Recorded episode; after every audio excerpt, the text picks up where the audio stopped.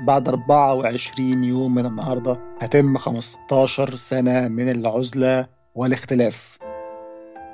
لا يزال ذلك اليوم الذي بدأ رحلة العزلة والاختلاف هذه ماثلا في ذاكرة هشام نادي. كان يوم شم النسيم كان 28 أبريل آه، 2008 كان يوم عمل عادي. الطقس حار بعض الشيء. في ليل ذلك اليوم سيقام حفل زفاف. فأنا كنت بكون المشغل حفلات الاحتفالات دي. هشام على وشك أن يعلق مصابيح الزينة. يتسلق سلما خشبيا يستند إلى أحد أعمدة نقل الكهرباء. يحاول توصيل الأسلاك فقد فعل ذلك مرارا وتكرارا. لكنه في هذه المرة أخطأ. كان قدامي اختيار من اتنين يا إما أكمل أتكهرب أو إني آه، أرمي نفسي بطريقة ما من فوق العمود. وهنا تغير كل شيء. سقط هشام. زي ما بيقولوا كده باللفظ الدارج على جدور رقبتي. تغير كل شيء ولكن ليس كما تظن. هشام الآن في هذه اللحظة باحث وكاتب في التاريخ المصري القديم. نشرت له عدة مؤلفات وتم تكريمه مرات عدة. لكن بين اللحظة الراهنة ولحظة الحادثة حكاية تستحق أن تروى. محافظة الفيوم الأستاذ هشام نادي من جمهورية مصر العربية جائزة التميز للمنتجين العرب في هذا البودكاست نزور قرية مصرية قديمة عمرها آلاف السنين. اسمها إبهيت الحجر.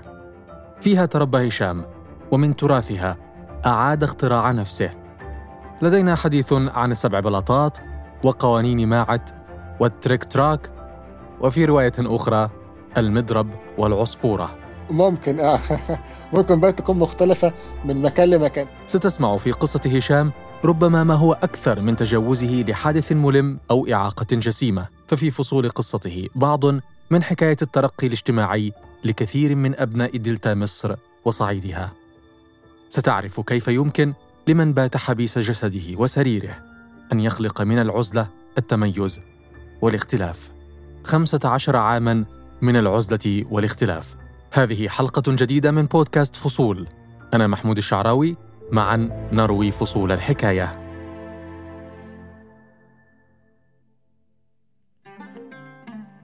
آه، زمانك لسه ما نمتش يا هشام صح؟ آه لا نمت شوية و- وصحيت وهل جدولك في رمضان يختلف؟ لا آه أنا في رمضان أو في غير رمضان أنا 24 ساعة في السرير فأنا مهيأ للنوم إذا راغبت هشام منذ الحادثة منذ 15 عاما لا يغادر فراشه إلا فيما ندر ولكي يتجنب قرح الفراش لابد من ترتيبات خاصة. الأهل هنا بيكيفوا حياتهم على الشخص اللي بيرعوه معاهم. أنا علشان عندي فقد للسيطرة على جسمي فمحتاج إن أنا أتقلب على السرير آه، يمين وشمال وعلى ظهري. طبقا للاطباء يعني كل ساعتين كل ثلاث ساعات. هشام فاكر عرفنا بعض إزاي؟ البوست اللي كتبته آه، وقت كورونا. فاكر؟ أيوه فاكره اللي هو بتاع آه، اللهم صل على سيدنا محمد. كنت آه، كانت الناس كلها في الفترة دي بتشتكي من ال- الحظر وإنهم اتحبسوا ثلاث أيام أنا محبوس في البيت أسبوع محبوس في البيت 10 أيام محبوس في البيت. فأنا كتبت فيما معناه وقلت آه، حظر إيه اللي أنتوا بتتكلموا عليه ده؟ أنا محظور في البيت بقالي ساعتها كان 12 سنة تقريبا. يا مر ثلاث سنين. يا ترى هشام إيه اللي اتغير في حياتك العملية؟ إيه آخر مشاريعك؟ وقعت في غلطة كبيرة جدا. إن أنا آه، آه، فتحت أكتر من موضوع للكتابة في نفس التوقيت. فالمدة تبان كبيرة قوي لو شخص محبط. اللي هو ده أنا بقالي ثلاث سنين ما أنتجتش. إنما لو لو لو شخص آه، آه، متفائل أو يعني آه، عنده عزم أو أو إصرار آه، والرؤية واضحة قدامه بشكل كامل هيقول خلاص ده أنا قدامي شهور قليلة وبدل ما كان يصدر لي كتاب واحد لا ده أنا هيصدر لي ثلاث كتاب دفعة واحدة. نتحدث عن ثلاثة كتب منها كتابان عن التاريخ أما الثالث فهو كتاب عن تجربة هشام مع الإعاقة. الكتاب الأول هيكون عنوانه ماعت هي الحل. هي ماعت آه، هي ربة ال- ربة الحكمة والعدل والمساواة في مصر القديمة. هي آه، ال- الأنثى آه، اللي اتخذوها كرمز للعدالة آه، للمساواة وللإخاء وللعدل إلى آخره يعني تجسدت بعض من قوانين ماعد في بردية الحكيم آني وهو يقول لم أكذب لم أغش لم ألوث ماء النيل. لم أزني لم أشتهي زوجة جاري كنت أبا لليتيم كنت قدما للكسيح والمشلول كنت زوجا للأرملة. كنت كذا كذا كذا كذا. قلبي نقي ويداي طاهرتان. فأنا بقول يا جماعة استلهموا روح الفكرة ودوروا على منظومة قيمية وأخلاقية سواء بقى كانت هي المنظومة دي بحذافيرها أو المنظومة المساوية ليها في الإسلام أو اللي موجودة زيها. في المسيحية أو في أي معتقد ديني آخر. اهتمام هشام بالتاريخ المصري القديم تحديدا لم ينبت من فراغ فهشام يعيش في إحدى قرى محافظة الفيوم جنوب مصر.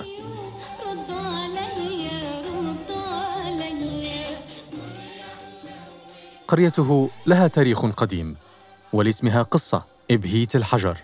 والحجر دي لها قصة لطيفة هي إن البلد كان على ضواحيها محجر لأن إحنا زي ما إحنا عارفين الدولة الوسطى هي كانت من 4000 سنة كانت متواجدة يعني.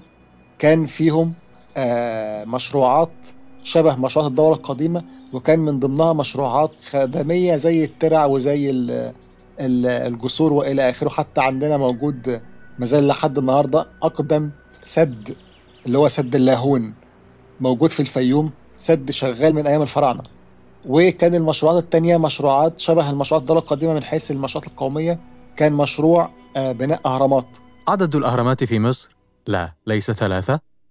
118 هرما. ولا يزال هناك جدل تاريخي حول الغرض الحقيقي من بناء بعض الأهرامات. ولماذا توقف بناؤها؟ أسئلة كثيرة لا تتوقع أن نجيب عنها في هذه الحلقة. ولكن ربما نعرف يوما ما. فالأهرامات دي يقال إن من ضمن المصادر اللي أخذوا منها حجارة أو محاجر خدوا منها حجارة كان محجر. يتبع آه، قريتي أو على حدود آه، قريتي يعني جت من حكاية ابهيه الحجر. هل هناك ما يميز قرية هشام غير الآثار والمحاجر؟ المميز في القرى بشكل عام وقريتي بالتحديد هو إن أنا فضلت عايش فيها أول ست سنين في حياتي وكنت مختلط فيها بالناس اللي هم أقاربي وبالتحديد كبار السن زي جدتي آه، لأمي وجدتي لأبويا وجدي. علاقة الأجداد بالأحفاد تدعم الصحة النفسية والسلوكية للأطفال. هكذا تشير بعض الدراسات. وهي تدعم كذلك شيئا مهما آخر اللغة. وهذا ما يشير إليه هشام. فكانت لهجتهم ما زالت متشبعة ألفاظ المتوارثة عن اللغة المصرية القديمة. مثلا جدتي تقول لي إيه؟ تقول لي آه أنت شكلك جعان ما أكلتش. هقوم آه أأمر لك البتاو. فكلمة البتاو دي بتعبر عن نوع الخبز اللي كان مستخدم اللي هو الخبز المعمول من الذرة أو الشعير طريقة معينة بيعجنوهم يعني وبيطلع في الآخر خبز شبه العيش البلدي. اللغة والطعام يمثلان ذاكرة تشهد على التواصل الإنساني. إنهما بمثابة حفريات حية. وقد تتفاجأ من تأثر بمن. يا مثلا أنا لما أقول لك إيه من من اللي هي آه، بتعبر عن إنك بتسأل عن شخص. في المصري القديم كان اسمها نيم اللي بعد كده بقت مين. فالناس فاكرة إن كلمة مين هي تحوير للفظ من. لا هي تحوير كلمة من أصلا هي تحوير لكلمة نيم. حلو جدا الكلام ده. طيب كنت بتلعب فين بقى وبتلعب إيه؟ كنت بلعب في الشارع. يعني الألعاب الشعبية اللي أعتقد برضو لها جذور آه، تاريخية يعني الألعاب اللي هي بالعصيان إنك تلعب زي التخطيط أو حاجة أو لعبة تانية اللي هي بتستخدم فيها فرد برضو العصيان اسمها تريك تراك. بتجيب آه، نص عصاية كده بتعملها آه، كأنها كانت بتسميها عصفور. بتضربها بعصاية تانية فبتطير بعيد بقى مثلا حوالي 20 30 متر. آه أنا فاكر إن اللعبة دي كان عندنا اسمها المضرب والعصفورة. ممكن آه. ممكن بقى تكون مختلفة من مكان لمكان. آه ممكن فعلا. آه لعبة تانية كانت بتبقى بالكرة الشراب أو ألعاب متعددة بالكرة الشراب يعني. آه من ضمنها إنك بتلعب لعبة اسمها آه آه سبع بلاطات مثلا إنك تجيب آه أو سبع حجارات يعني تجيب مجموعة من البلاط توقفه جنب بعضه و... وترمي الكرة من بعيد. على الأرض دحرجه على الأرض. هي أشبه بالبولينج كده. ولكن الحياة في هذا الوقت حتى بالنسبة لطفل ليست لعبا فقط خصوصا إذا كنت طفلا من أسرة متوسطة الحال أو أقل تعيش في دلتا أو صعيد مصر. من سنة آه، 96 كان عندي ساعتها تسع سنين ونص أو حاجة. بدأت إن أنا ألتحق بقى إيه بمحل ملابس كان أبويا وعمي كانوا شركاء فيه. آه، سنة آه، 2001 انتقلت من محل الملابس ده لمحل تاني كان أجهزة كهربائية. بعد كده النشاط اتغير آه، كذا مرة إلى آه، إن وصلنا آه، لمشروع الدي جي اللي كان آه، أنا كنت قائم آه، على إدارته بشكل كامل. كان ذلك بعد أن تخرج هشام من كلية الخدمة الاجتماعية في جامعة الفيوم. التحقت بجامعة القاهرة دخلت لمدة سنة آه، حقوق وبعد كده ما ما نفعتش في حقوق آه، بسبب الصدمة الحضارية اللي تلقتها وأنا شخص من الأقاليم شخص ريفي زائد إن أنا ما كنتش مهتم بالمجال بتاع كلية الحقوق. فده خلاني فشلت في الكلية بتاعت الحقوق وحولت لكلية خدمة اجتماعية آه، في محافظتي آه، إلى أن عملت الحادثة بقى. التعليم بالنسبة لكثير من المصريين هو وسيلة من وسائل الترقي الاجتماعي. هكذا يشير الكاتب محمد نعيم في كتابه تاريخ العصامية والجربعة تأملات نقدية في الاجتماع السياسي المصري.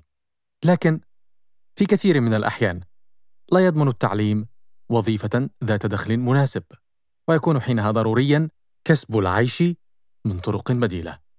وهذا ما كان يفعله هشام إلى أن وقعت الحادثة. في آخر يوم شغل كان يوم شم النسيم كان 28 أبريل 2008 كنت قائم على إقامة حفل زفاف في شارع مش في قاعة أفراح. وصلنا لمكان ال- الفرح أو ظبطت أنا وزمايلي آه، اللي شغالين معايا ال- المعدات دي بالشكل الطبيعي بتاعنا. طلعت بقى أعمل تيست على آه، على الحاجات اللي أنا آه، أنا وزمايلي ركبناها. فأنا طلعت أوصل الحاجات دي فحصل إن أنا آه، اتكهربت من العمود.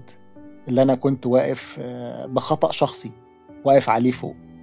كان قدامي اختيار من اتنين يا إما أكمل أتكهرب آه، وخلاص بقى آه، أموت وقتها أو إني آه، أرمي نفسي بطريقة ما من فوق العمود. فوقعت بعد ما رميت نفسي وقعت على زي ما بيقولوا كده باللفظ الدارج على جدور رقبتي. كانت إصابة هشام بليغة. نقل على إثرها إلى المستشفى. كسرت بعض من فقرات رقبته وهناك ضغط على النخاع الشوكي. سيجري له الطبيب جراحة عاجلة.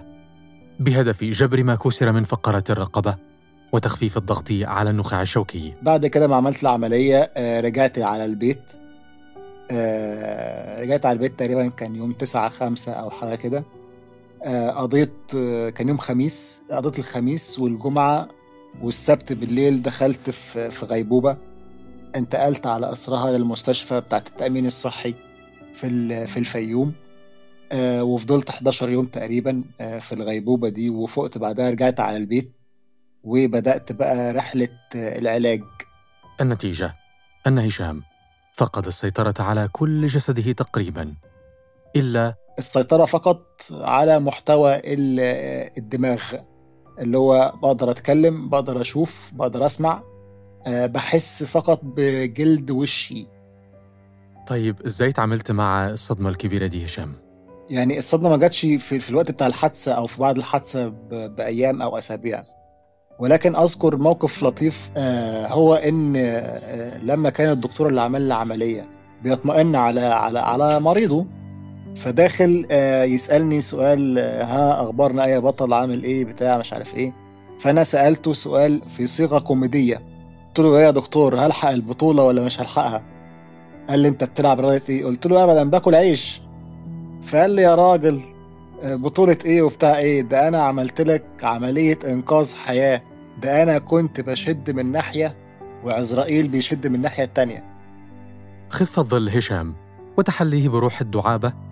لم تمنع الألم أن يكون ضاريا أو لا يحتمل في بعض الأحيان. آه قلت لهم لو آه الدكاترة خيروكوا ما بين آه بقاء الرجلين أو الأطراف اللي بتوجعني وما بين إنهم يقطعوها علشان ال- الألم يروح قولوا لهم يقطعوها. عند نقطة ما فقد هشام الأمل أو كاد. في 2013 وصلت لمرحلة لا خلاص بقى. أنا شكلي كده هبقى هفضل على كده وهنا كانت الصدمة بقى اللي هو آه، هفضل على كده يعني إيه؟ يعني مش هيبقى في مشي تاني؟ يعني إيه؟ يعني مش هيبقى في شغل تاني؟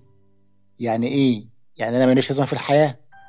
دخل هشام فيما يسمى حالة كرب ما بعد الصدمة الحالة دي مكونة من خمس مراحل أول مرحلة هي الإنكار المرحلة التانية هي العدوانية المرحلة التالتة هي ال depression أو ال- الاكتئاب. رابع مرحلة هي مرحلة ال compromise بقى أو مرحلة إنه بيحاول يعمل أي صفقات أو مساومات آه، مع اللي أفقده آه، أو اللي حطه في الوضع اللي هو فيه ده. وفي حالتي أنا كانت المساومات مع ربنا. هسمع كلام أبويا وأمي لو هو ده اللي أنت بتعاقبني عشانه. أو أو أو أو حالة مساومات لا تنتهي. بعد ما بتنتهي المرحلة الرابعة دي بيصل إلى مرحلة بقى التسليم بالأمر الواقع. هشام إيه أكتر شيء ساعدك في إنك تخرج من الدايرة المفرغة دي؟ والله بشكل أساسي آه الأسرة. يعني الأسرة كانت آه مدياني كارت بلانش كده من الدعم من الحنان من العطف من آه، الاحتواء. أبويا وأمي وأخواتي.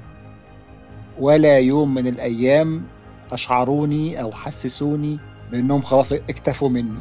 والحاجة التانية هي آه، مكوناتي أو إمكانياتي الشخصية الخاصة سواء بقى مستوى التعليم اللي أنا كنت وصلت له مستوى نضجي اللي نتج عن آه، عقلي وتفكيري. إذا عائلة داعمة وعقلية مرنة. شيئان قد يكونان سند الإنسان في تخطي أزماته. وبالطبع قد يأتي الدعم من مصادر أخرى ولكن بعض هذا الدعم قد يكون ضرره أكبر من نفعه بعض الناس اللي كانت تيجي تزورني وبداعي المواساة والتخفيف عني كانوا يقولوا لي اصبر واحتسب بمعنى انتظر وما تعملش حاجة انتظر فرج ربنا وإيه مفهومك أنت عن الصبر هشام؟ الصبر هو اللي اشتق منه مسمى الصبار. الصبار بيستنى كل يوم في الفجرية الندى بتاع المطر علشان يمتصه ويخزنه جواه وبعد كده يبدأ يوجه الندى اللي خزنه ده في إنه آه، يساعده على البقاء حيا. كان لصبري ودأب هشام. ثمار. هشام اليوم كاتب. نشرت له كتب. وسنعرف بعد قليل كيف يكتب كتبه بشكل مستقل تماما. بلا مساعدة من أي شخص. ولكن هناك سؤال قبل ذلك. أنت درست الخدمة الاجتماعية وكان لك تجربة في في الحقوق وإلى آخره لكن ليه التاريخ المصري القديم تحديداً؟ والله هي الحكاية جت حصيلة محاولات كتيرة جدا للإجابة على سؤال أنت لازمتك إيه في الحياة يا أستاذ هشام؟ وهنا بدأت اللمبة تنور. الله طب ما أنت متعلم. ودخلت جامعة. طب ما تقرأ وتكتب. وبالفعل بدأت أقرأ وأكتب أو أقرأ بشكل يعني أولي أقرأ في حاجات كتير جدا. لحد ما لقيتني منجذب بشكل مش فاهمه لمجال التاريخ. بدأت بقى إيه؟ بشكل يعني كوميدي. أغصب على المحيطين بيا إن أنا أقعد أكلمهم عن التاريخ سواء بقى كانوا إخواتي أو أبويا أو أمي أو صحابي اللي يجوا يزوروني إلى آخره.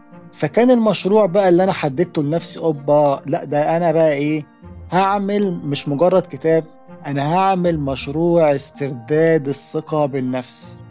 والمشروع ده هيكون عبارة عن مجموعة كتب هنزلها وأحاول أطبعها بشكل ورقي. هشام أنت فقد السيطرة على 85% من جسمك من الكتف ونازل ومع ذلك أنت بتكتب كتبك بنفسك. وبتتكلم معايا ومع غيري وبتتواصل مع العالم الخارجي وبنتكلم دلوقتي. فاحكي لي بتعمل ده إزاي؟ آه ربما أكون فعلا فاقد السيطرة على أطراف الأربعة وما بقدرش أمسك حاجة بإيديا لدرجة إن أنا بحتاج حد يأكلني. ولكن أنا آه ألهمت بفكرة خليهم ينيموني على جنبي وبحط دراعي تحت دماغي وبيحطوا لي الماوس بتاع الكمبيوتر على كوعي. ومن خلال لساني بضغط على الكليكات يمين وشمال وبحرك الماوس بقى في الكمبيوتر بالحكاية دي.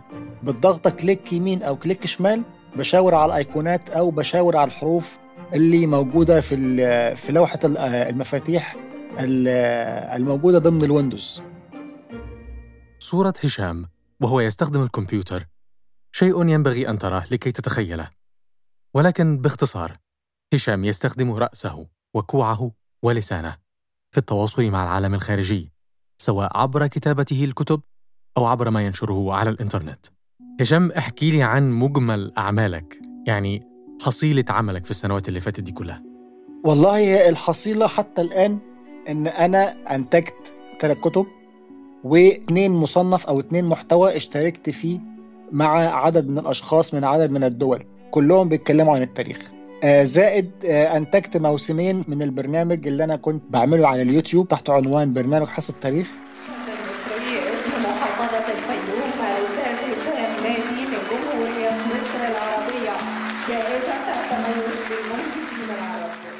وحصلت على عدد من التكريمات من عدد من الجمعيات الأهلية والحكومية وعدد من الشخصيات العامة والشخصيات الرسمية في الدولة كمحافظين وكوزراء. وعلى خلفية برضو الإنتاج ده حصلت على دكتوراه فخرية مش تخصصية دكتوراه فخرية وبقت حاجة لطيفة بالنسبة لي يعني. قيمة الإنسان في قدرته على تخطي ظروفه. ربما عزلت تلك الحادثة هشام في جسده وسريره ومنعته من الحركة لكنها لم تمنعه من السعي. فهو لا يزال يخطط لمستقبل يجعله أقل عزلة. وعلى كافة المستويات. آه طيب مشاريعك المستقبلية إيه يا شم؟ وإيه أحلامك؟ بحلم زي كل الناس إن أنا أخطو خطوة في تأسيس حياة اجتماعية زي زي كل الناس. آه عارف إن ممكن أحيانا يكون ده صعب عليا أو شبه مستحيل ولكن لا مانع من التجربة. آه يعني في قصة حب. الله ما أنت عارف ما أنا قايل لك عليها. أنا أعرف لكن لن أبوح. أنا محمود الشعراوي دمت في صحة وسلام.